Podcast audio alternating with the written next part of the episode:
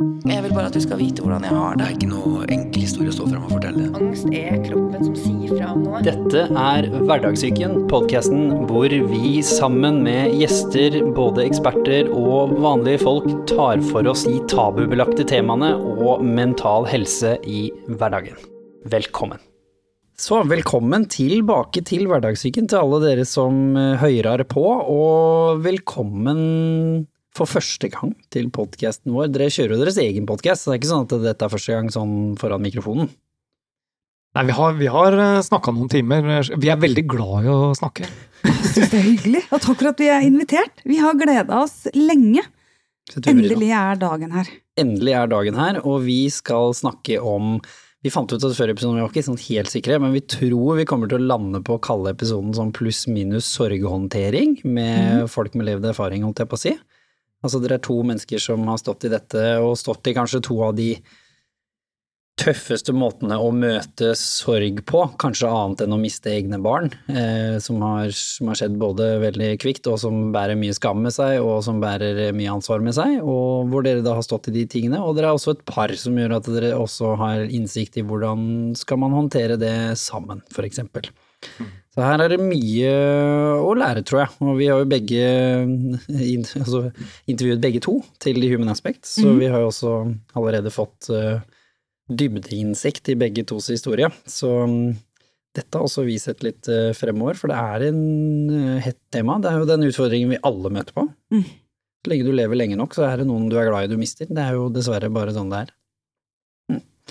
Så før vi liksom da durer på videre, da, så må vi jo finne ut hvem i all verden dere er. Så hvis dere skal beskrive hvem dere er, før vi skal på en måte overdefinere dere med at dere bare er den historien, for det er dere jo ikke. Snakka vi om i intervjuet ditt i stad, Espen. Så hvem, hvem er du? Hvem er jeg? jeg? Akkurat nå så er jeg først og fremst eh, pappa og ektemann. Det er eh, Det vil jeg si er det som definerer hvem jeg er akkurat nå. Eh, og så er jeg en fyr som er opptatt av at uh, livet er uh, et eventyr. Det må ikke bli for alvorlig. Vi må huske på å leke og huske på å leve. Det var ikke alltid sånn. Nei, det har ikke alltid vært sånn, altså. Det har vært eh, Eller jo, jeg tror nok alltid jeg har hatt med meg det, men omgivelsene rundt meg har ikke lagt til rette for det i like stor grad som det det gjør nå, da, i dag. Mm.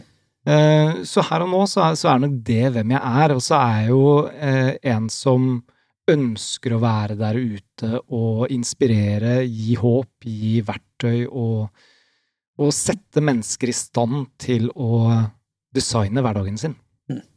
Men å lekeslåss med deg, det kan vi ikke. Det bør du ikke prøve på. Nei. Nei, men jeg, jeg driver ikke med lekeslåssing. Jeg syns det er tøyste. Enten så slåss du, eller så slåss du ikke. Det vet kidsa. Hva sier du om det, Bianca? Alle veit det, jeg også Ja. vet det. Du? Jeg også har prøvd meg noen ganger og, og, og slutt, slutta med det. Ja. Med han. Han.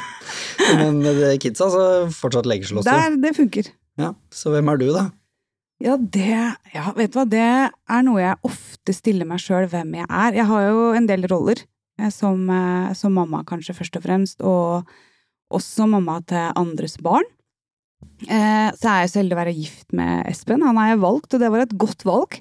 Det er jeg kjempefornøyd med. Det er greit å kjenne på, for det ja, er ikke alltid det er, nei, det er, eh, det er jeg fornøyd med, fortsatt etter elleve år.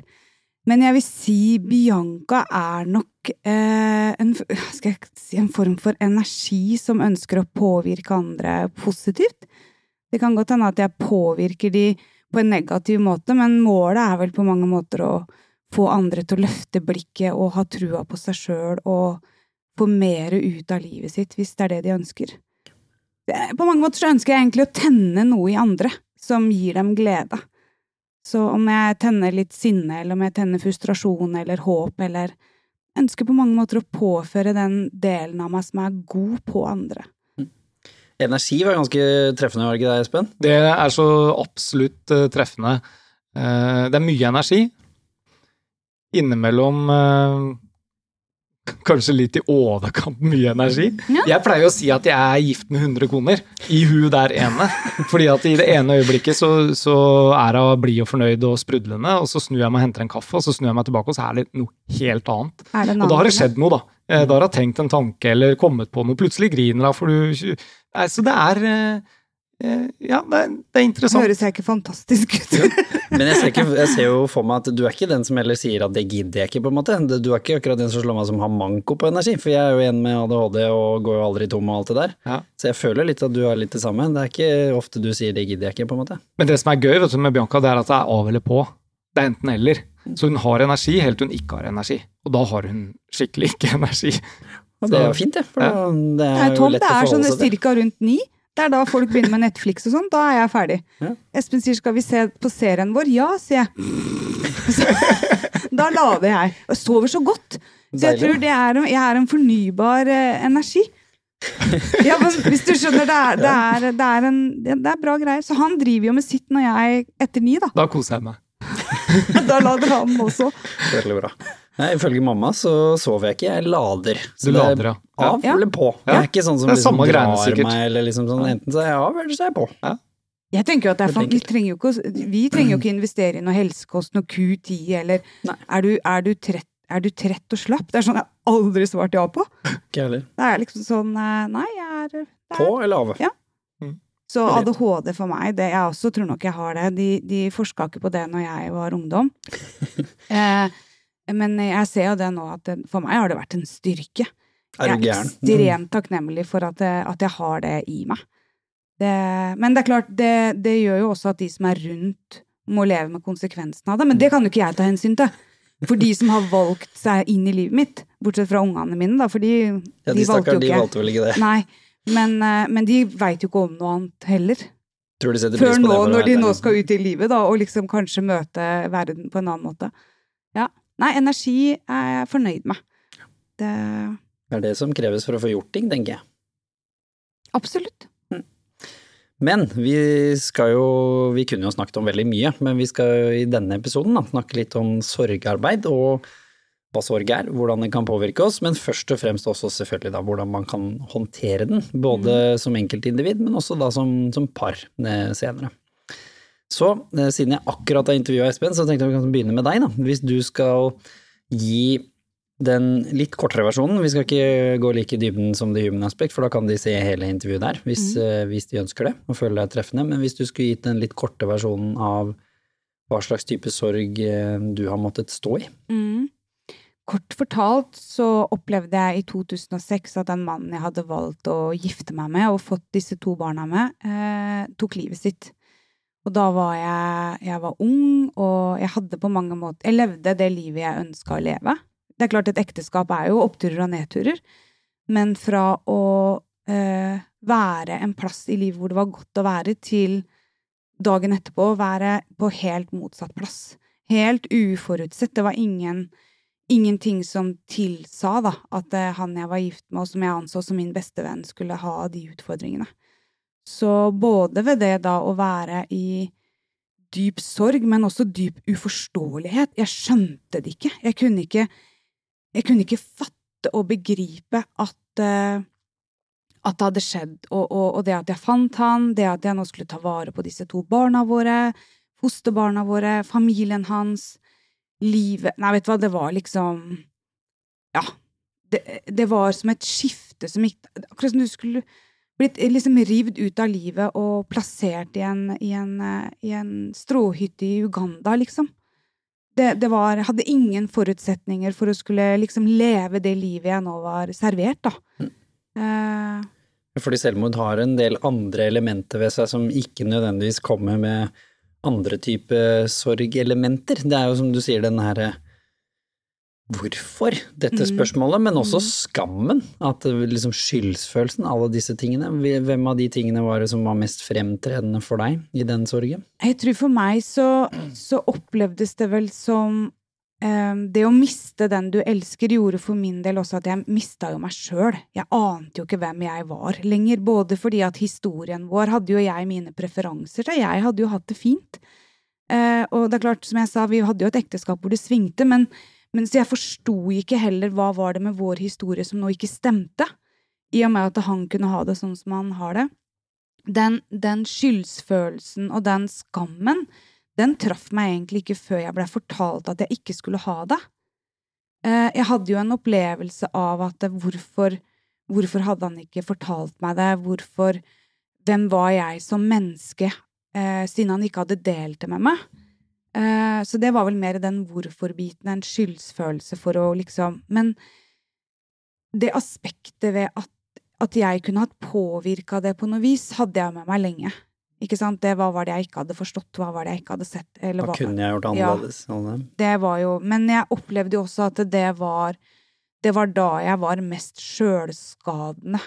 Når jeg gikk i de prosessene, fordi at jeg fant jo ikke Jeg hadde jo egentlig et oppgjør med meg sjøl i speilet, hvor jeg stilte meg sjøl spørsmålet er du, en, er du en deltaker til mord, Bianca?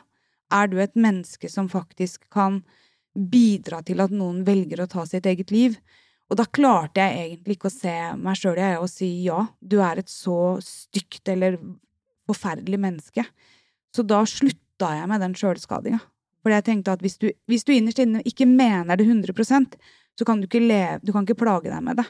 Enten så må du anerkjenne da at ja, dette har jeg bidratt til, og så får du ta den prosessen. Så, så jeg var nok veldig konkret i spørsmåla jeg stilte til meg sjøl, eh, når jeg skjønte at ikke det var hensiktsmessig.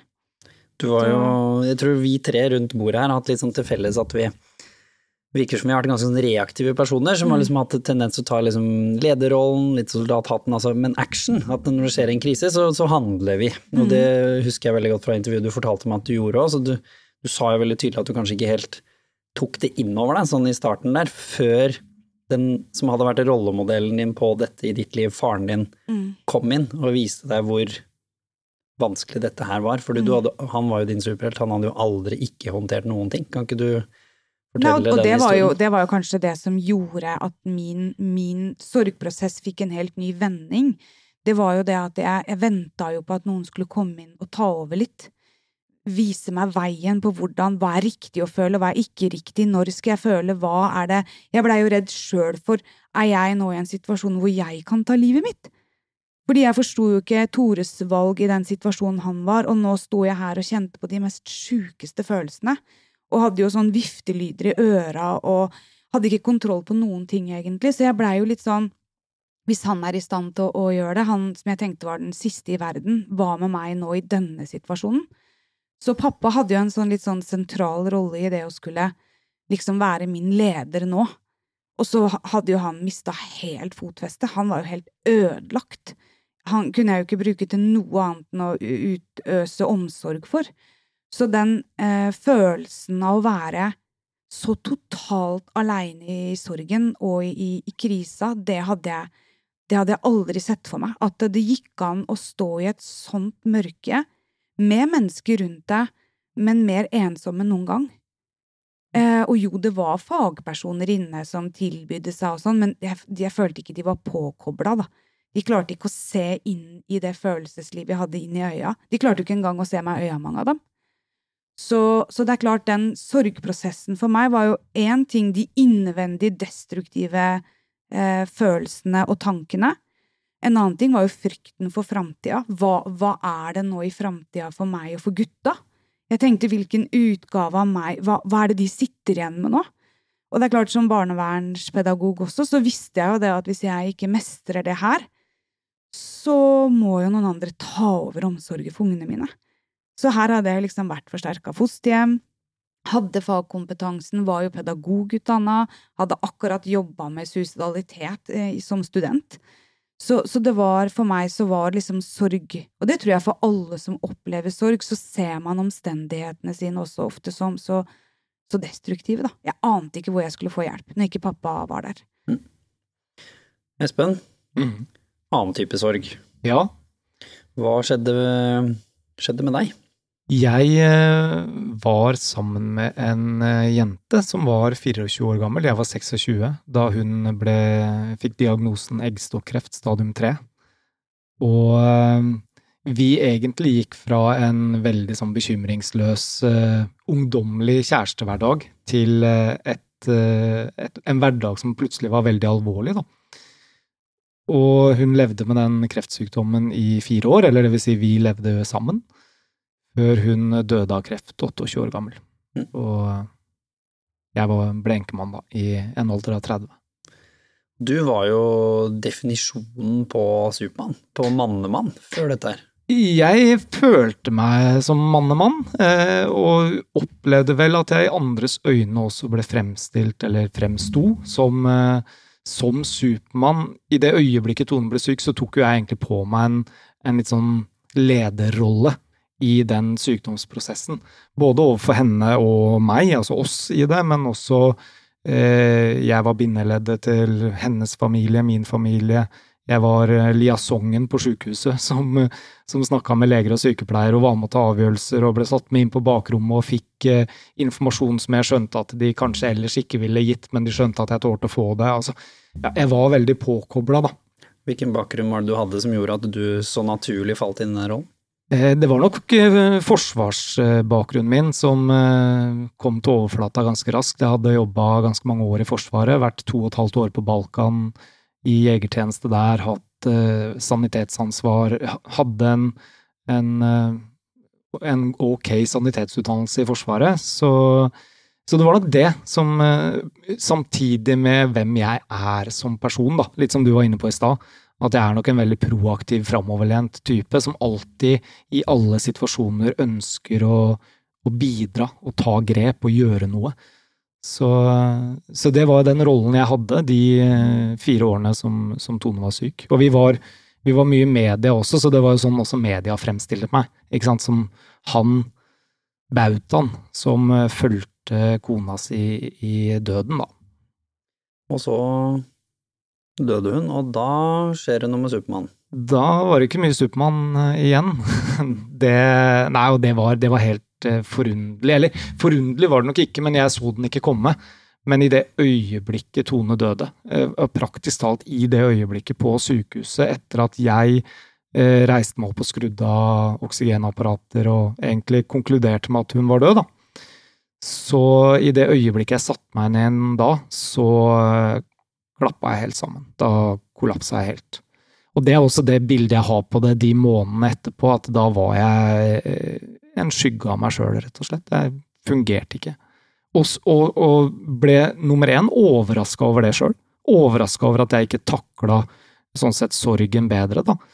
For du skamma deg litt? Ja, jeg skamma meg. Eh, skamma meg over å ikke evne å bruke de verktøyene som jeg sjøl kjente til. At jeg ikke klarte å ta meg sammen, rett og slett. Fordi, eh, for det er jo ja, På mange måter så har jo det vært det jeg har gjort før. da. Nå må du ta deg sammen. Nå må du skjerpe deg, liksom. Eh, rette deg opp i ryggen og ta noen grep her. Men det var bare helt Det var så langt unna at jeg hadde ikke kjangs. For hva var det du gjorde, sånn hvis du liksom skal beskrive deg selv utenfra? det jeg gjorde, var at jeg lokka meg inne. Uh, som kanskje mange andre kjenner seg igjen i, og kanskje mange menn kjenner seg igjen i, så, så skulle jeg fikse det her sjæl.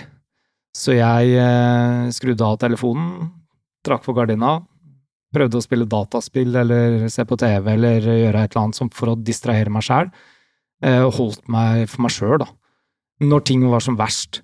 Så bevegde jeg meg ut, eh, det gikk jo i bølgedaler, dette her, så, så de gangene det var sånn ok, da bevegde jeg meg ut, og jugde. Ja. Tok på meg maske og sa at det går greit, dette her òg, vi må fikse dette. Og så, en halvtime etterpå, så lå jeg i fosterstilling på sofaen hjemme og grein meg i søvn. Hvor tror du du tok på deg den maska der? Det er jo veldig vanlig, som du sier, at man gjør. Jeg gjorde det ene og alene for å opprettholde imaget mitt, tror jeg. Eh, for å Jeg ville ikke at de skulle se meg som noe annet enn det bildet de hadde av meg, da. De skulle se meg som solid og sterk og ja, stødig, også i sorgprosessen.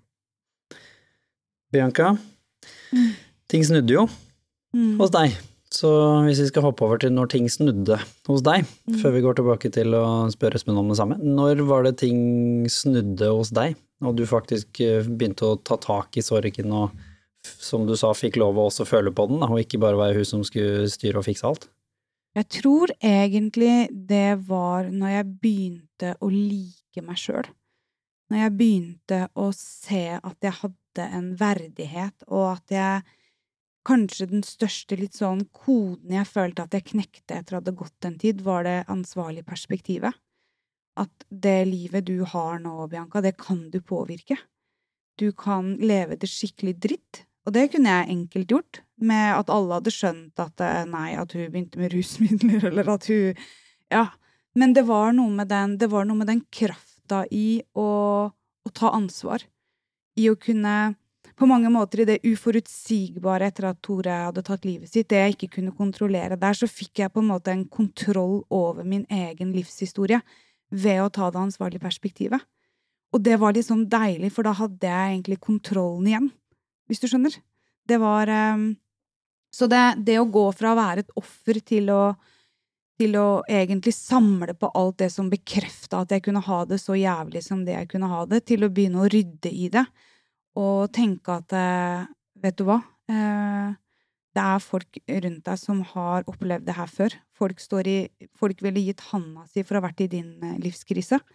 Så eh, egentlig litt det som Espen sier, kom til det punktet at jeg var litt sånn Nå er det på tide å ta seg sammen. Eh, men jeg tror at jeg hadde fått da nok tid både til å oppleve at jeg hadde kraft nok til å kunne ta meg av Birk og Bendik. For det var jo min viktigste funksjon, var jo å kunne se de i øya og være ekte. Eh, og ha det liksom Kunne møte opp hver dag med et form for håp, da. At dette her skal vi leve med resten av livet. Det gjør vondt, og det er helt for jævlig, men vi kommer til å overleve. Og, og vi kommer også til å kunne leve godt, men det avhenger først og fremst av hva vi velger å gjøre ut av det. Så det var nok eh, det var nok tid. Jeg tror det er en Tid er en kvalitet og en ressurs vi må, må i mye større grad favne når vi har kriser og sorg. Det tar tid. Eh, den tida har du. Eh, noe av den tida oppleves jo meningsløst, og det er, tror jeg, de fleste, hvis man hører på og har, er i dyp sorg eller er i en krise, så er jo hvert sekund er jo så uhorvelig langtekkelig. Ingen dager er jo lengre enn de dagene hvor det er jævlig. Så så ved å prøve å liksom favne og være i det, tror jeg så kommer man til et punkt hvor man får muligheten til å tre ut av det. Så det, jeg tror jeg var litt der Der det endra seg for meg, var når jeg fikk egenkjærligheten tilbake, og valgte selv hvordan jeg skulle forholde meg til hva som hadde skjedd meg. Skjønte at jeg hadde påvirkning i livet mitt. Og hva er det som er så farlig med den offerrollen? Hva er liksom inni denne, dette narrativet om at noe har skjedd meg? Det er jo veldig passivt. Mm. Noe har skjedd meg, verden har skjedd meg. Da sier man jo også til seg mm. selv at du kunne ikke gjøre noe med det, og i ditt tilfelle så kunne du selvfølgelig ikke det, men du sier jo da også at nå kan jeg ikke gjøre noe med hva som skjer herfra fremover heller. Mm. Og det er jo ofte da man havner i denne offerrollen og og for veldig mange kan være der resten av livet. Hva er det du ser etter å ha vært der som gjør at du tenker at farlig det er å være i den rollen? Jeg tror for min del så blei det vel et litt for stort ansvar å legge over på Tore. Det var jo egentlig det som stoppa meg litt, ikke sant. Jeg hadde en, en veldig sånn konkret opplevelse med Birk og Bendik hvor jeg opplevde sjøl å være en dårlig mamma i en situasjon som jeg opplever var, for meg, da, eh, med den kompetansen jeg har, litt sånn drøy hvor jeg etterpå eh, ga Tore skylda for det. Eh, I huet mitt, da. Dette her er det du har Dette er den utgaven av meg jeg sitter igjen med, liksom. Faen ta deg. Eh, og hvor jeg egentlig opplevde at han svarte og sa at vet du hva, det Jeg var ikke engang til stede når du holdt på med det du holdt på med nå, så det må du nesten ta ansvar for sjøl. Du kan ikke skylde på meg. Jeg skjønner du har lyst til det, Bianca, men dette her må du ta ansvar for sjøl.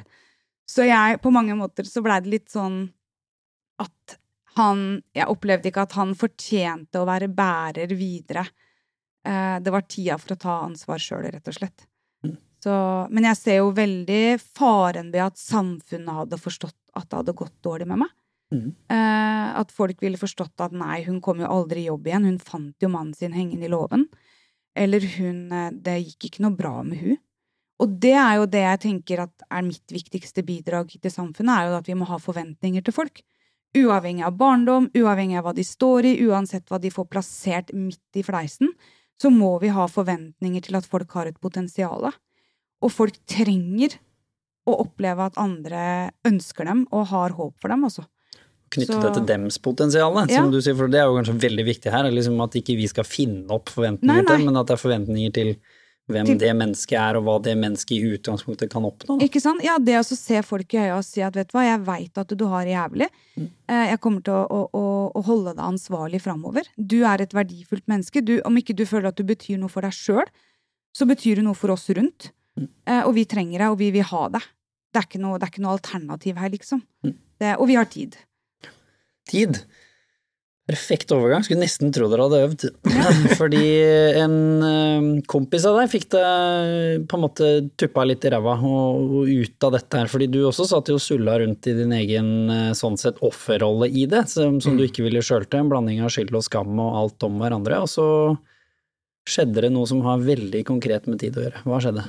Absolutt. Jeg eh, Ja, som sagt, jeg stengte meg jo inne. Eh, unngikk å svare telefonen, unngikk å møte opp. Og heldigvis da, så hadde jeg eh, en del folk rundt meg, blant annet en kompis som heter Martin, som eh, hadde fått nøkkel til huset vårt da Tone levde. Nå var jo Tone død, det hadde gått eh, et halvt år eller noe, og jeg Han hadde ikke fått tak i meg på en stund. Og plutselig så sto han i stua mi, og sa ganske ordrett det her. Espen, jeg skjønner at det du står i nå er helt jævlig å stå i. Jeg kan ikke fikse det for deg.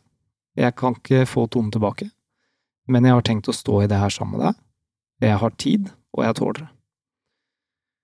Og det Og jeg merker jeg får frysninger når jeg, når jeg gjentar det, liksom. Og Det Og så blei han der, da. Han blei der i et døgn.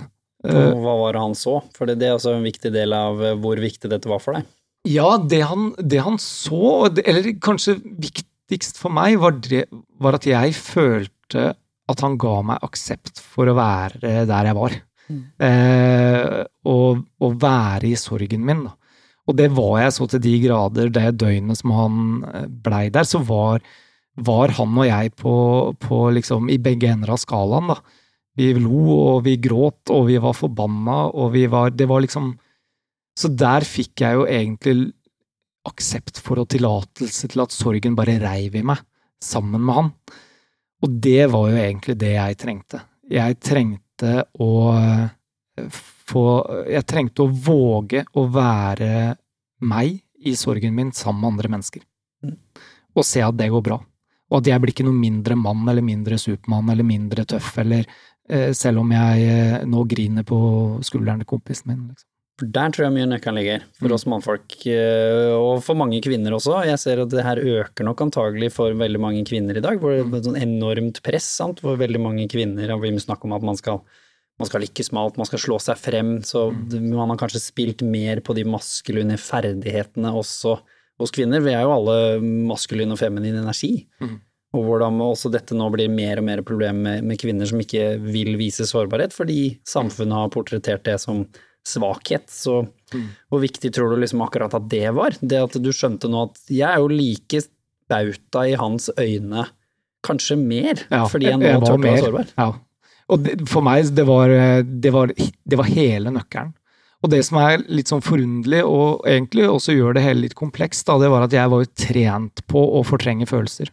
Eh, som et verktøy, og måtte det i, I krise, situasjoner, ikke sant? I krisesituasjon, i, i, på Balkan med mennesker i krise og sorg og alt mulig, så eh, måtte jeg jo fortrenge mine egne følelser for å fremstå profesjonelt og gjøre jobben min profesjonelt. Så der var det hensiktsmessig. Men nå var det ikke hensiktsmessig. Nå eh, trengte jeg å slippe følelsene fri, og, og våge å være i følelsene mine, da, var egentlig hele poenget. Så det har jo blitt min, eh, min fanesak eh, nå i ettertid, er jo at vi må våge å være det vi føler. Og, og det skifter fort. Vi har masse å lære av barn. Altså, de kan være strålende happy for at de fikk en softis, og så gikk den softisen i bakken. Så gikk verden i grus, så fikk de en ny, og så var alt greit. Og sånn tror jeg det er litt med oss mennesker òg. Sånn var det for meg med, med Martin den, det døgnet han var hos meg. I det ene øyeblikket så var alt svart og dritt. I neste øyeblikk så holdt vi på å le oss i hjel. Eh, og, og jeg tenker, vi må våge å leve i fulle farger, da. Mm. Uh, der opplever jeg at samfunnet nok presser oss inn i en bås. At du skal ikke være for glad, du skal ikke være for lei deg, da er du deprimert, og du skal ikke Det er noe med at hallo, sorg og følelser, uh, dette er normale greier. Vi må ikke, vi må ikke sykeliggjøre det, liksom. Det tror jeg kanskje du, litt som meg, har opplevd før. Ikke i forbindelse med sorgen, men her, liksom, og det å ikke være for mye, det å ikke være for glad. Det? Vi som er overalt og ingen plass samtidig, og det, han beskrev jo deg litt sånn her i stad. Ene øyeblikket så var det sånn, og neste år og sånn. Hvordan har du følt på det før også sorgen? At samfunnet ikke har liksom vist rom til at alt det du er, er greit? Så vi voksne, vi må ta oss sammen. Som barn er det greit. Når du blir voksen, da må du bli mer profesjonell, må du bli mer sindig og Og, og kontrollere det. Ja. Jeg tror at jeg har et kjempefortrinn at jeg kommer fra Horten. Og så hadde jeg en Du bruker jo det på alt det Ja, er? Bare folk som Ja, men vet du hva jeg har? Ja, men vet du hva det er? Jeg opplever at jeg kom fra en familie som på mange måter kanskje var ganske stigmatisert i det lille samfunnet vi kom fra. Så jeg vokste jo opp med eh, å være eh, tanta, eh, tanteungen til eh, Hjørdis. Og Hjørdis hadde bana veien i vårt lokalsamfunn før meg, så jeg hadde ganske fritt spillerom på hvor mye jeg Jeg kunne spille på mange strenger, da, uten at det, noen ble sjokkert. Så på mange måter så opplevde jeg vel Og hun var jo min favorittperson i verden. Hun sa jo dette her til meg, at eh, Bianca, hva andre mennesker tenker om deg, det har du ikke en dritt med. Og det, det har jo gitt på mange måter et verktøy, spesielt etter Tore døde, og det var selvmord, og alle i, i Tønsberg visste hvem jeg var. Eh, plutselig så hadde alle tanker om hvorfor Tore ikke skulle leve, hvem Du jeg føler hadde jo vært og ikke alle har en mening å se på deg, Ja. selv om de ikke har det. Ja. Og det, så for meg så har det kanskje vært en styrke både av på en måte vært litt sånn klassens klovn eh, med den familien jeg har hatt, så kanskje det har vært en, et fortrinn i det å kunne leve ut også sorgfølelsene, for det tror jeg er komplekst i samfunnet vårt. Det er at de følelsene vi opplever når vi er i sorg, er så sterke at når du i hverdagen din kanskje går og kontrollerer følelsene dine, og du så opplever en livskrise, så tror jeg at veldig mange imploderer. Mm. Vi, vi ødelegges innvendig fordi vi ikke har en arena hvor vi kan Sånn som i gamle dager så hadde man jo gråtekoner. Fy fader, og det har jeg tenkt, det har jo en funksjon. Hvis noen hyler høyere enn deg i kjerka, så kan du på en måte faktisk tørre å, å slippe følelsene ut. Ja, men det her er ikke tull. Ja. Jeg husker jeg hadde en sånn kjempekonkret episode. Det var vinter. Tore døde jo 2. desember. Eh, masse snø. Jeg gikk ut i skauen, langt oppe i, i, i, liksom i hugget der vi bor, for å brøle. Jeg trengte å brøle. Jeg trengte å lage lyd. Det hadde bygget seg opp gjennom lang, lang tid. Og jeg husker jeg sto inne i skauen der med snø opp til livet og var skikkelig sliten, for jeg tenkte at hvis jeg er sliten, så blir det jo ikke så mye lyd. Og jeg brøla alt jeg kunne, og da kom det jo selvfølgelig en skiløper. Så han gikk jo skikkelig på ræva. Han skvatt jo så at han eh, Ja. Og da sto Jeg måtte jo unnskylde og litt sånn, da, men han hadde jo ikke tid til å prate med meg, for han var jo bare redd for hele meg. Men jeg sto jo der da og brøla og hadde en sånn opplevelse, kanskje for første gang i livet mitt, å være tettest på meg sjøl og min egen kraft og min egen energi. Ja. Jeg, liksom, hvor mange av dere som hører på, er det som man noen gang har hørt dere sjøl brøle så høyt dere kan? Gjorde det seinest på søndag, faktisk. Jeg og kjæresten min oppe på et fjell. Så bra. Men litt fordi vi på en måte tenkte litt sånn som du gjør nå, at vi liksom, nå skal vi gjøre det som er litt sånn crazy og litt Ja. sånn gøy. Bare sånn ut av det blå. Er det ikke en ganske Sikkert er fantastisk følelse? Jo, ja, men er det det, er ikke det der å bare leve ut følelsespotensialet sitt i lyd? Men jeg Så- husker jo det, noe som jeg kjente ganske mye på, faktisk. Eh, en stund ute i sorgprosessen hvor jeg hadde dager hvor jeg følte at det også gikk greit. Det var at jeg var redd for å vise meg glad. Mm. Jeg var redd for å vise at jeg lo, og, og for, fordi jeg, var, jeg visste at det her er bare midlertidig. Eh, rett rundt hjørnet nå så er det kjipt igjen, og så var jeg redd for at folk rundt meg skulle tenke at pjo, nå har det gått over. Nå er den tilbake, liksom. For du så har en mening om det. Altså, Ja, driver ja. du og ler Ja, rett det etter også. at du har mista Ikke minst. Jeg, eh, Tone og jeg var jo en del i media, eh, spesielt på slutten. Og de fulgte jo liksom hele prosessen mot inn i døden, liksom. Så det å sitte ute og ta en pils eh, i, i Lillestrøm, da, hvor, hvor vi holdt til, og, og bli sett der, var noe jeg kjente på. Se på han nå, ja. Nå sitter han der og drikker utepils og ler og koser seg. Så dypt stakk det, liksom. Mm. Og det, det er sånn Men tror du ikke det å ha de tankene er men jo tror ikke det gjør egentlig sorg Sorg i seg sjøl er vanskelig, men hva andre mennesker tenker og tror kompliserer det jo Ja. så Ja, ja. sinnssykt. Og hvis du i utgangspunktet da er en person som er sårbar for hva andre tenker og føler, så, så mister du jo fotfestet. Så er det jo helt vanlig at i en familie så er det jo gjerne mange som sørger. Mm.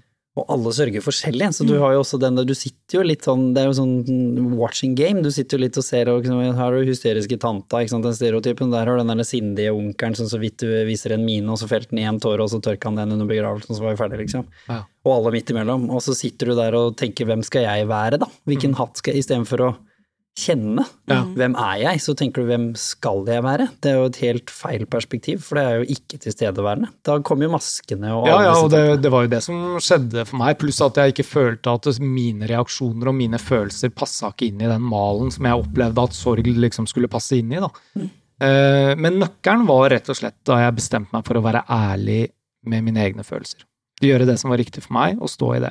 Og det, og den, det knakk egentlig da Martin eh, dukka opp og, og ga meg liksom tillatelse til å være ja, til å være i sorgen min.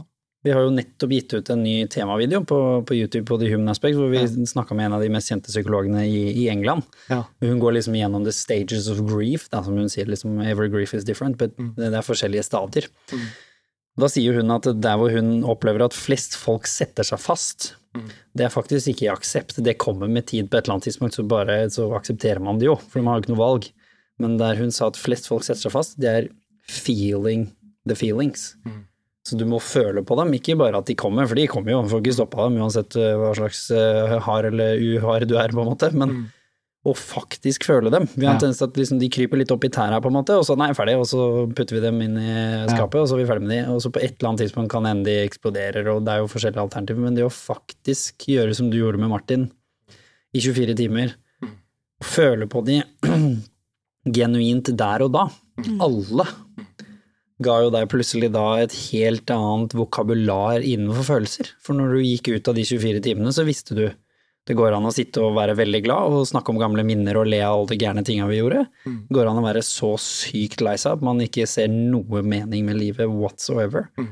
Og det går an å rett og slett snakke om fornuftige ting og fremtid og, og på en måte være litt sånn happy for fremtiden. Og liksom all, alt dette er lov, da, og det går an å gråte og alle de tingene. Og det det resulterte i for min del, var at jeg faktisk begynte å leite etter de følelsene.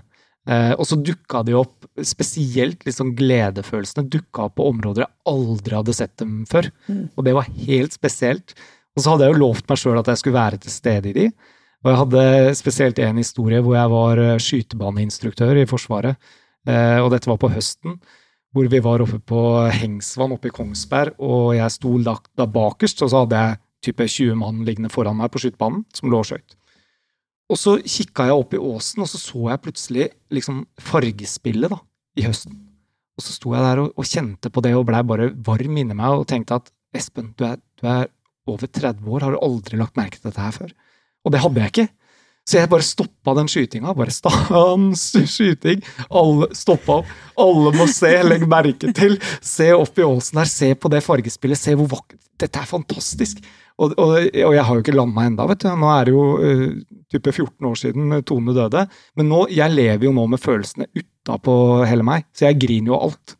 Plutselig så er jeg bare Jeg er så lettrørt. Jeg er bare Ja. Så, Store og det spennende er spørsmålet for meg. Hva sa 20 mannfolk i Forsvaret som skyter på noe, når du sa stopp, la oss se på fargene? Det lurer jeg det, på. la jeg ikke, mer- det var ikke jeg så opptatt av. Jeg, så jo på, jeg sto jo og følte de fargene og det fargespillet, og det var helt nydelig. Det var helt magisk. Så hvis noen var der, hvis du, du hører på nå og var på den skytebanen, så vil jeg gjerne høre din reaksjon nå, 14 år etterpå. Ja. det, det er veldig brave, må jeg si. Det, det er virkelig å være til stede, da. Ja, men det, men det, ble, det ble så viktig for meg, for det, det gikk jo opp et lys. Mm. Uh, jeg skjønte jo at uh, Espen, nå må du kutte ut. Du er feig. Mm. Du er rett og slett Du, du gjemmer deg bak et hardt skall og later som at du er så forbanna macho og, og tøff og sterk og solid og tåler alt. Og så er det egentlig Du er feig, da. For det er det det er. Det er Ja. jo det, som du sa, det enkle valget for deg hadde Ja. jo vært å dra tilbake til Forsvaret Ja, og begynt å gjøre det du var mest komfortabel med, i etterkant. Men det å faktisk stå i sorgen, deale med det, bygge et nytt liv, det er jo det som er vanskelig. Ja, det å grine blant folk, liksom. Det å våge å stikke fram trynet sitt og si at nå er jeg på en ræva, nå dette syns jeg var vanskelig. Mm. Eh, dette fikser jeg ikke aleine, jeg trenger hjelp. Det eh, for meg er jo det virkelig modige her. Det, var jo da jeg, det er det modigste jeg noen gang har gjort. Og så skal man jo bygge et liv, da, Bianca. Så når du først hadde liksom akseptert deg selv og begynt å bygge litt kjærlighet og sånn, så Så er vi ikke ferdig med sorgprosessjobben her, fordi det er jo et genuint tap også, når man snakker om at man mister en partner. Så Mm. mister du jo 50% av de som på en måte bar hjemmet ditt, i tillegg hadde du to barn. Så hvordan klarte du å, å ta tak i liksom neste challenge, da, som er å faktisk bygge et nytt liv? Det handler jo på mange måter eh, å ta med seg det som kunne brukes, da. Men jeg har faktisk et, et lite sånn tips i forhold til det her med følelser. Eh, som mamma og så mange arbeidsoppgaver i hverdagen som ikke hadde rom for å, for å slippe følelsene da, når ungene skulle i barnehagen, eller så kunne man jo ikke da få en breakdown. Eller inni huet mitt så var ikke det mulig. Men jeg hadde sånne egenseremonier hvor jeg hadde musikk og egentid hvor jeg satte på den musikken, og da gråt jeg. Da var jeg i de følelsene. Da var det, det var min tid til å sørge, da. Eh, og det funka for meg. Eh, jeg har liksom spesielt tre sanger. Så når de kommer på radioen og sånn, eh, når jeg ikke sjøl kontrollerer det, så setter det jo i gang de samme følelsene. Jeg er ikke redd for det, men, men det har den effekten enda. Og det tror jeg kan være et godt tips hvis man sitter der med følelser man ikke har bearbeida og, og knytte det til noe som hjelper deg å få det i gang, da. Men eh, når det kommer til å bygge et eh, liv på nytt, så handla det vel egentlig først og fremst at jeg fant noe i hverdagen å glede meg til. Det tror jeg var det viktigste. Det å ha noe hver dag å, å se fram imot. Jeg klarte jo ikke i starten å glede meg over ungene, eller fordi jeg var, var litt sånn usikker på om jeg egentlig hadde noe å tilby dem. Men eh, jeg tror på mange måter at etter hussalg, for det er jo også en utfordring ved når en partner dør, og du ikke skal bli boende, det er jo alle de store endringene. Men eh, nei, hvordan bygger man et nytt liv? For meg så skjedde det så, så gradvis på mange måter.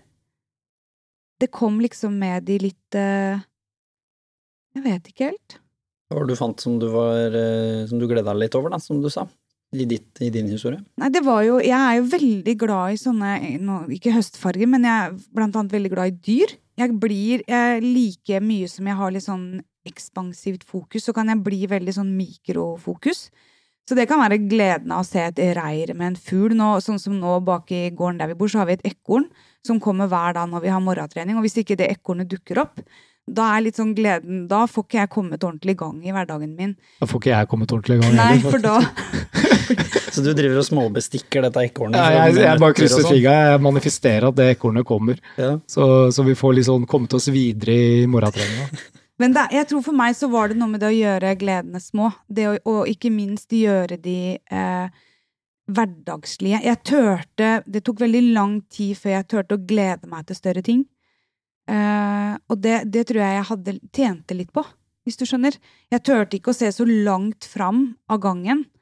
Uh, turte ikke å ha for store drømmer. Så på mange måter så blei livet veldig tett, og følelsene veldig store. Så det, der fikk jeg vel på mange måter hjelp av livet til å leve. Um, så ja, jeg tror på mange måter at det som virkelig uppa livet mitt, var når jeg kjente at jeg hadde behov for å elske igjen og bli elska. Det var nok en sånn Det var nok en, dør å gå gjennom. Um, og kanskje den døra på mange måter som åpna opp til, til det eventyret jeg på mange måter føler jeg lever i nå. Da. Et veldig, ikke noe glossy eventyr, men et veldig realistisk, godt eventyr. Mm.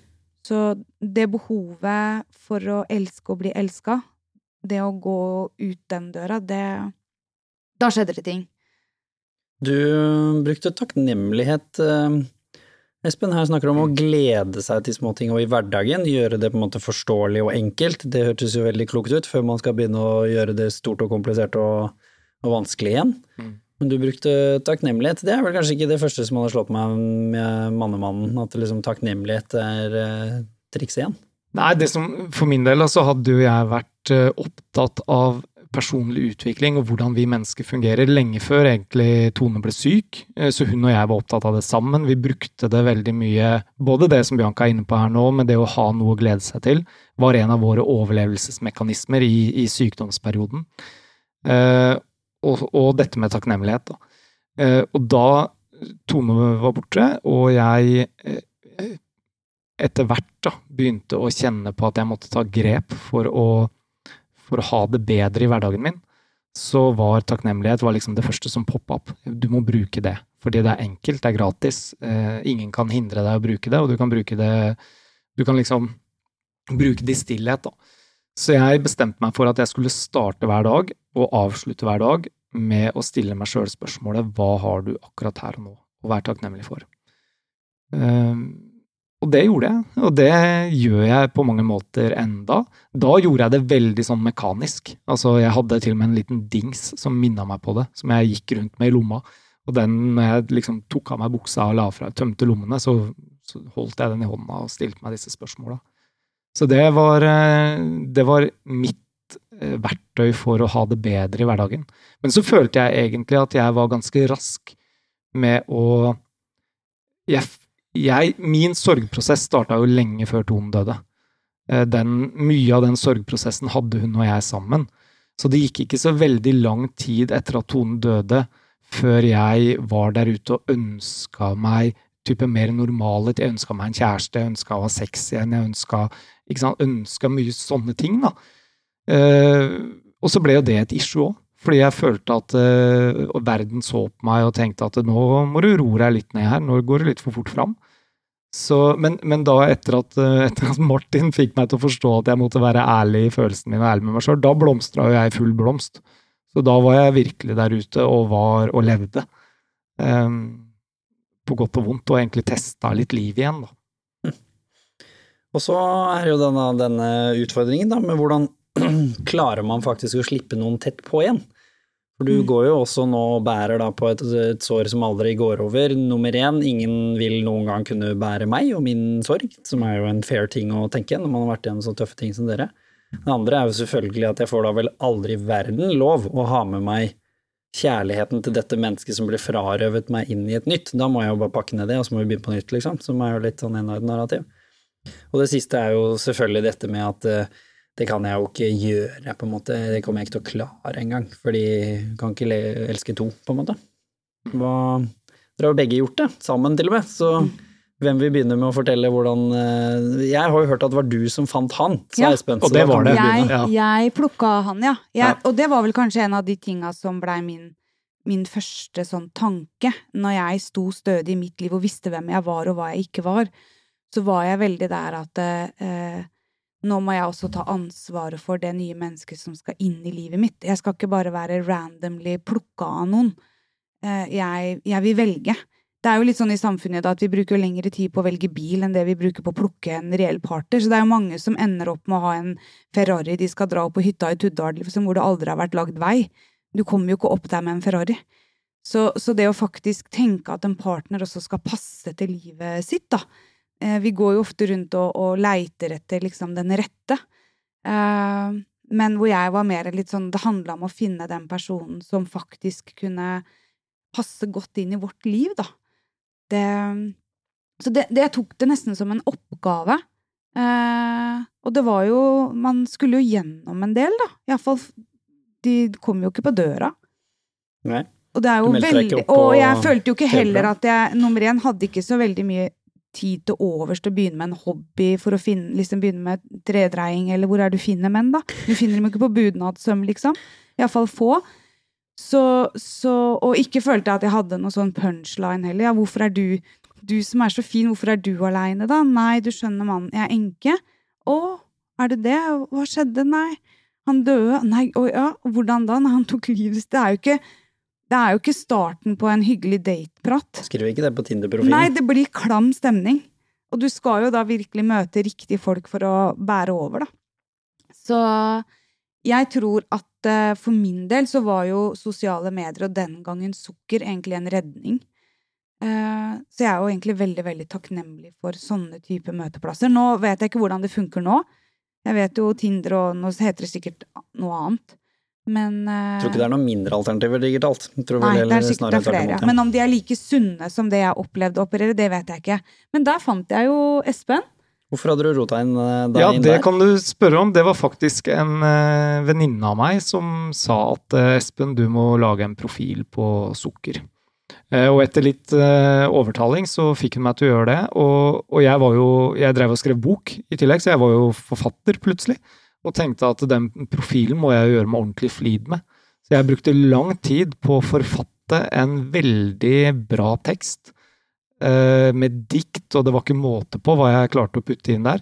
Og så viste det seg jo at Bianca hadde jo ikke lest den engang, hun hadde jo bare sett på bildet. Det klarer jeg faktisk å se for meg. Du er litt sånn som meg, du som liksom bare føler det, og så er vi ferdig med det. Ja, hun så et bilde og tenkte at jøss, han der skal jeg snakke så, så Ja, det var, det var overflødig, den teksten. Ja, men du, du- jeg tror de fleste av oss har jo, eh, som har data da på nett, har jo blitt kanskje forført av ord og tekst, og så møter du mennesket. Så er det ikke så bra. Så, er- ja, eller det falt, ikke, det falt ikke like god jord på et vis, da. Mm. Så jeg hadde nok blitt kanskje litt sånn selektiv at det som gjelder, er å møtes over en kaffe og se hverandre i øya. Det Ja, er det og sant skal sies, så er jeg egentlig glad for at du For det, jeg skrev en del ting der som jeg ikke driver med. Jeg skrev, jeg skrev, skrev jo at jeg kjørte motorsykkel opp av fallskjerm og dukker og alt mulig, jeg gjør jo ingenting av det nå i dag. Så jeg skrøt jo på meg litt. Som alle de gjør, tror jeg. Ja. Så Ja, det tror jeg. det var sunt. Men så kom jo da den store liksom, Hvem var det først som tok av hatten og sa det som vi snakket om i stad, som var det det var egentlig under? tilfeldig. Ja, eller- det, ja eller Ja. ja, tilfeldig og tilfeldig. Bianca spurte eh, hva jeg, eh, Veldig tidlig, når vi drev og chatta sammen, eh, eller vi hadde chatta sammen to-tre ganger eller noe, og så spurte Vi hadde hadde ikke møttes, nei, vi hadde bare Nei. skrevet litt sånn raskt. så spurte hun hva, er det du, hva driver du med? Ja, for jeg satt på nettbanken. Jeg husker jeg satt og betalte noen regninger, og så hadde jeg den, den oppe. Og så, for liksom bare for å holde han aktiv. Og det var sol og sommer og Så egentlig så hadde jeg tenkt å disse deg. Så det var noe litt sånn eh, ja, lev vel, eller kos deg i sola, eller et eller annet. Men så for liksom holde den i gang, da, så skrev jeg liksom hva driver du med? Og så fortsatte jeg å betale regninger, husker jeg. Ja, og, Og da, da- svarte jeg at jeg eh, driver og fullfører boka som kona mi begynte å skrive. Og da tenkte jeg å, æsj, det er en sånn en. En sånn en som later som Nei, guri, tenkte jeg. Liksom, det var jo på delete, ja. Det er jo Ja, Så fortalte jeg historien da, og jeg var jo veldig åpen om det. Og at, uh, at uh, hun hadde dødd av kreft, og at jeg Da kom nå det masse tekst, husker jeg. Da husker jeg bare liksom satte meg tilbake og leste, og jeg kunne liksom se du skrev, og det kom masse, masse, masse. Og så svarte jo hun at eh, jeg er også enke. Og da var det jo kjørt. ikke sant? Da hadde vi, da hadde vi mye å snakke om. Så vår relasjon starta jo med de dypeste, dypeste samtalene man kanskje kan ha. Eh, Det var vår inngang, da. Så eh, vi var ganske raskt forbi det litt sånn derre dating og det spillet og Ting ble veldig fort veldig alvorlig. Eller ikke alvorlig, men seriøst, da. Ja. Eh, og, og jeg kjente jo veldig raskt at ok, det er, nå er det ikke så leit noe mer. Nå, nå er vi der. Hvor langt ute i sorgen var du nå? Det var eh, Tone døde i februar 2008, og dette var på sommeren 2009, så halvannet år. Mm. Og du? Tore døde i 2006, og det her var i 2009. Ja, bare Grunnen til at jeg sier det, det er jo selvfølgelig ikke at det nødvendigvis er noen viktig detalj, men for at folk ikke skal tenke at det skal være en kjærlighetspodkast, så er jo dette viktig fordi at nå kommer vi til det at dere har jo vært en nøkkel i hverandres healing. Ja. Like mye som om dette er en fin kjærlighetshistorie, det er jo veldig fint det òg, men hva var det som skjedde etter dette? Som dere nå ser var en viktig ledd i at dere har det såpass godt med dette som dere har i dag? Jeg, der har jeg lyst til å si noe. Jeg òg. Kan dere Ok. slåss? Nei, Bianca, Bianca vinner alltid Ja. på det sånt som Jeg, det. jeg tror på mange måter så var vi begge der, at vi sto ganske stødig i hvem vi var og historien vår, og at ingen av oss hadde noe ønske om å gjøre Tone eller Tore mindre i møte med en annen. Så det måtte være et menneske som sto stødig. Det var nok forutsetninger, og for jeg tror både Espen og jeg var der at historien vår Vi skulle ikke være historien vår lenger, men vi kom til å ha den med oss. Og spesielt for min del med Birk og Bendik, så ønska jeg å bære Tore med verdighet med videre. At han skulle få lov til å være den pappa. Og han var en fantastisk pappa. Jeg ønska at det skulle få lov til å være med noe gutta vokste opp med, og vite at ikke han skulle bli dømt for de siste 20 sekundene i livet sitt, men han skulle bli huska for alt det han faktisk var også. Eh, og det skulle jo bli vanskelig hvis ikke Espen hadde klart å stå stødig ved siden av i hans på en måte bilde, da. Mm. Eh, så det, og jeg opplevde jo når, eh, når Espen fortalte meg om Tone, så tok det jo ikke så veldig lang tid før jeg skjønte at eh, han hadde jo ikke vært fyren for meg hvis ikke han, hun hadde vært i hans liv. Så jeg har jo Gamle superhelten Supermann, han hadde ikke Han hadde ikke kommet så langt. Nei. Nei. Så det var jo henne, det er jo egentlig Tone jeg er på jakt etter her, nei da. Tone er jo på en måte virkelig den som har gitt Espen de kvalitetene, eller den, den historien de hadde, er jo den Espen jeg får lov til å nyte kvaliteten av nå. Både i det å være min Supermann, men også å være den mannen som kan gjøre seg sårbar, og jeg kan få lov til å være en sterk kvinne. Så, så, så Tone er jo på mange måter et av mine største forbilder. Selskapet vårt heter jo Gjør en forskjell, og det var jo hennes nettside.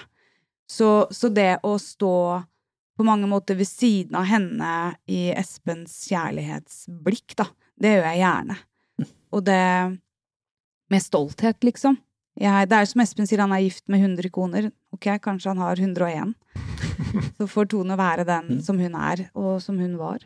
Nå kan jo ikke nødvendigvis løsningen for alle være å finne en annen enke eller enkemann, men hva var det ved dette som var nyttig å få noen inn i livet så tett på som forsto sorgen? Hvor nyttig var det for deg, Espen? Ja, det var, det var kjempenyttig, og så vet jeg at det, det, det som var viktig for meg, da, det var å gjøre Å definere for meg selv at kjærligheten som Tone og jeg hadde i vår relasjon, den slutta å utvikle seg den dagen hun døde. Eh, men den skulle ikke bli noe mindre.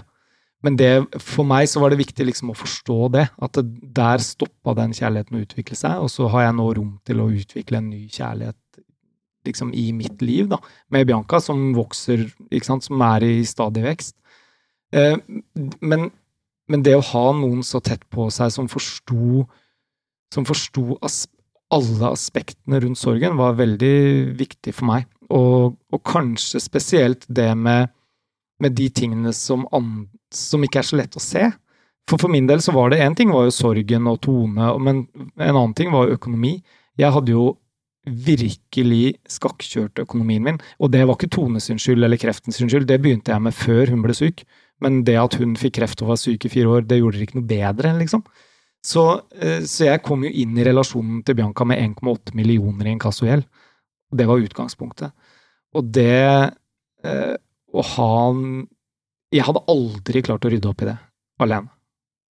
Det er Så, så det å ha noen ved siden av seg også i den, den prosessen. Sårbarheten, ja. ja. For det var jo egentlig enda en ny inngangsport for deg som mann å komme inn i en relasjon og være også den som har tulla det til økonomisk.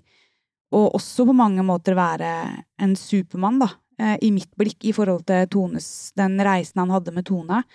Men eh, fordelen, tror jeg, når du har gått på en ordentlig smell, er iallfall Jeg skal kanskje snakke med jeg-perspektiv. Fordelen jeg hadde ved å ha gått på en skikkelig livssmell, det var jo det at hvis jeg skulle velge meg en ny mann, og fikk velge mellom en som hadde hatt eh, god økonomi og ikke hadde hatt alle de eventyra med kona si de siste fire åra, eller ha en med skikkelig crap-økonomi som hadde sørga for at kona hadde et eventyr de siste fire åra hun levde, så var det ganske enkelt for meg å velge. Så lenge det er en som vil nå ja, skape endring? Ja, ja, ja, ja, selvfølgelig. Så det var mye lettere for meg. Jeg kjenner jo det at jeg har valgt Espen med alle de aspektene som er der, fordi at han har valgt å vise seg sårbar. For ved å våge å vise seg sårbar, ved å våge å be om hjelp, da har du alle mulighetene i verden. Det er jo når vi ikke klarer å be om hjelp, at vi virkelig ødelegger for oss sjøl og andre. Så for meg så er det kanskje den viktigste kvaliteten han har som mann i mitt liv, er at han evner å be om hjelp, og at jeg ikke blir redd for det. For det kan man jo liksom tenke, eh, at hvis noen ber om hjelp, så så mister man på en måte tryggheten ved det mennesket. Men for meg så opplever jeg at når han ber om hjelp, så får jeg muligheten til å vise hvor sterk jeg er. Spiller jo hverandre gode. Ja, altså, det, ja eller det sånn gir meg en, en mulighet til å for, Hvis han aldri ber om hjelp, så får jeg aldri vist de kvalitetene jeg faktisk innehar, som jeg også trenger å få vise er der. Og jeg tror, enten om det er i et vennskapsforhold, i et parforhold, eh, mor, barn, far, barn, det å tørre å være vekselsvis sterk og sårbar, det tror jeg er ekstremt viktig i samfunnet vårt. For det er ikke noen som bare er svake eller bare er sterke. Så er det jo egentlig ikke snakk om svak og sterk, det er jo ordene vi bruker for at samfunnet skal skjønne hva vi snakker om. Vi snakker sant? jo her om, som du sier, sårbar energi, mm. og på en måte egentlig løsnings- og handlingsorientert energi. Absolutt. Det er jo det det er snakk om. Mm. Og det er egentlig litt sånn som du sa i stad, Jimmy, det her med at pappa viste seg som veldig, veldig sårbar. Det som skjedde da, var jo at mamma, som alltid har blitt sett på som en sånn nervøs, eh, litt ukomfortabel dame, redd for store ting, hun sto jo der som et spett. Jeg har jo aldri sett mora mi. Så, så det at det skjedde i deres relasjon, da, er jo en kjempestyrke der nå. Og det at jeg faktisk så det, gjør jo at jeg kan identifisere meg med den rollen når Espen viser sårbarhet. Så tenker jeg at hvis mora mi kan være det spettet når han eh, mister fotfestet, da vet jeg jo at jeg har det. Så, så, så det å stole på den funksjonaliteten, da, ved å vise og be om hjelp, det er kanskje det viktigste, viktigste verktøyet og rådet og det vi må snakke mest om. Det var en som spurte meg hva, hva er det viktigste du har eller ønsker å ha gitt ungene dine.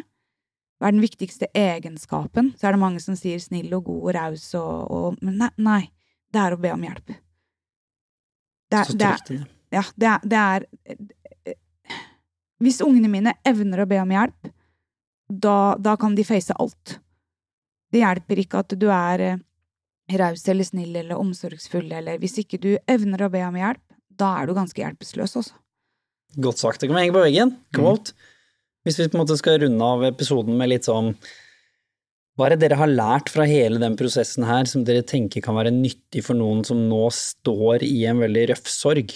Eh, la oss begynne med de som står i det sjøl, og så skal dere få lov å gi enkelte råd til de som står rundt etterpå. Men hvis du skulle delt en refleksjon eller to da, med de som står bom fast i dette nå og ikke klarer å komme seg ut av det? Jeg, eh, jeg vil si at eh, litt som vi var inne på her i stad, det å, å alltid sørge for å ha noe å glede seg til. Um, uansett hvor smått og lite det er. Og er det ikke noe der, så må du skape noe. Putte noe inn. Uh, om det er en tekopp du kan glede deg til, eller en telefonsamtale med en venninne, eller ja, hva som helst, da. Men det å, å sørge for at det er noe i det mørke som du kan glede deg til, det det var på mange måter det som holdt Tone og meg oppe. Samtidig som vi eh, våga å være litt ville og gærne. Ga litt faen, rett og slett, og tenkte at liv, livet leves nå. Om det så er et kvarter igjen, så skal vi i hvert fall gi gass. Ja, Hva var det vi- du sa til legene som sa at du ikke kunne ta med Tone til Disneyland i USA? Ja. Da kunne hun dø på flyet? De, de sa at det må du ikke finne på, hun er altfor sjuk til å ta den reisa. Og så sa jeg hva er det som kan skje da? Nei, hun kan dø. Så jeg, det, det kan strengt tatt de 340 andre som sitter i det flyet òg. Så heller det, at hun stryker med på vei til Disney World, enn at vi sitter eh, hjemme på sengekanten og venter på at det skal skje. Og det gikk jo bra. Eh, Det kan, det kan gå bra. Det gikk kjempebra, faktisk. Vi dundra gjennom fem sånne fornøyelsesparker på én uke, Tone og jeg, hun i rullestol. Og det er faktisk et eh, hot tips, litt sånn på sidelinja, men da slapp vi jo foran alt av køer. Så, så, så jeg løp jo og dytta den rullestolen. Nei da, det var Ja, vi levde tett på livet, og det tror jeg veldig mange som står i en krise, kan gjøre hvis de tillater det. Bianca, hva slags eh, refleksjon og lærdom har du til de som står i krisa sjøl? Jeg eh, Det hotteste tipset jeg egentlig kan komme på, som jeg sjøl brukte, var iskalde dukkerter. Jeg begynte å bade i sjøen ganske kort tid etter eh, Tore døde. Han døde jo i desember, jeg tror kanskje det var januar-februar, hvor jeg begynte å løpe ned til brygga og hoppe uti. Hvor jeg egentlig følte at jeg fikk et sjokk som gjorde at jeg kanskje en time etterpå hadde litt andre tanker og følelser enn det jeg hadde ellers. Så det å kanskje velge å gjøre aktiviteter som rister deg litt, fordi det blir en form for klima, sånn sorgklima, som forsterker seg sjøl. Så det å enten ringe noen du egentlig ikke vil snakke med fordi de utfordrer deg, eller det å, å velge å, å gjøre noe annerledes, da. Eh, hvis du opplever at det å trene er destruktivt, så vær destruktiv med å velge å trene. Hvis du syns det er jævlig å løpe, så løp. For det er noe med den sjøl sjølskadinga som skjer i, i sorgprosesser, som, som iallfall jeg eh, har klart, ser jeg da, når jeg ser tilbake, har klart å bryte litt ut av.